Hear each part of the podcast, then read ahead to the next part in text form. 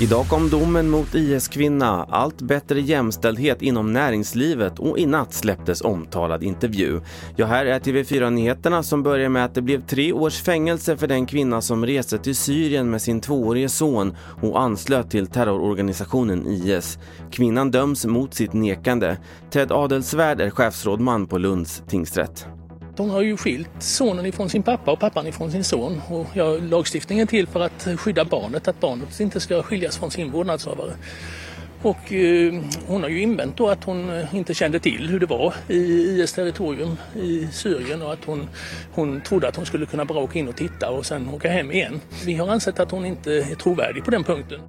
Jämställdheten inom svenskt näringsliv har blivit bättre enligt stiftelsen Allbrights årliga rapport. Men så här säger Allbrights VD Amanda Lundeteg.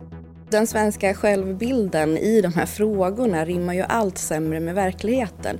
Vi har ju varit en inspiratör när det kommer till jämställdhet.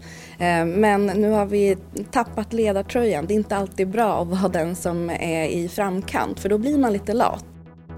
Utrikes. Delar av Finland stänger ner idag på grund av covid-19 och det gäller fram till 28 mars i områden med allmän samhällsspridning eller där smittspridningen ökar, rapporterar YLE.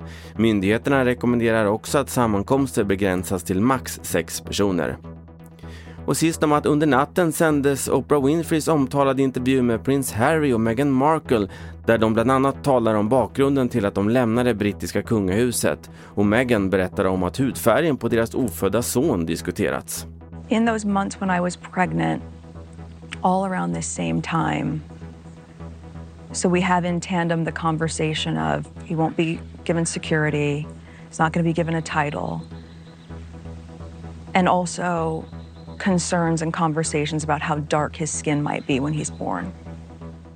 Det här var TV4 Nyheterna. Jag heter Carl-Oskar Alsen.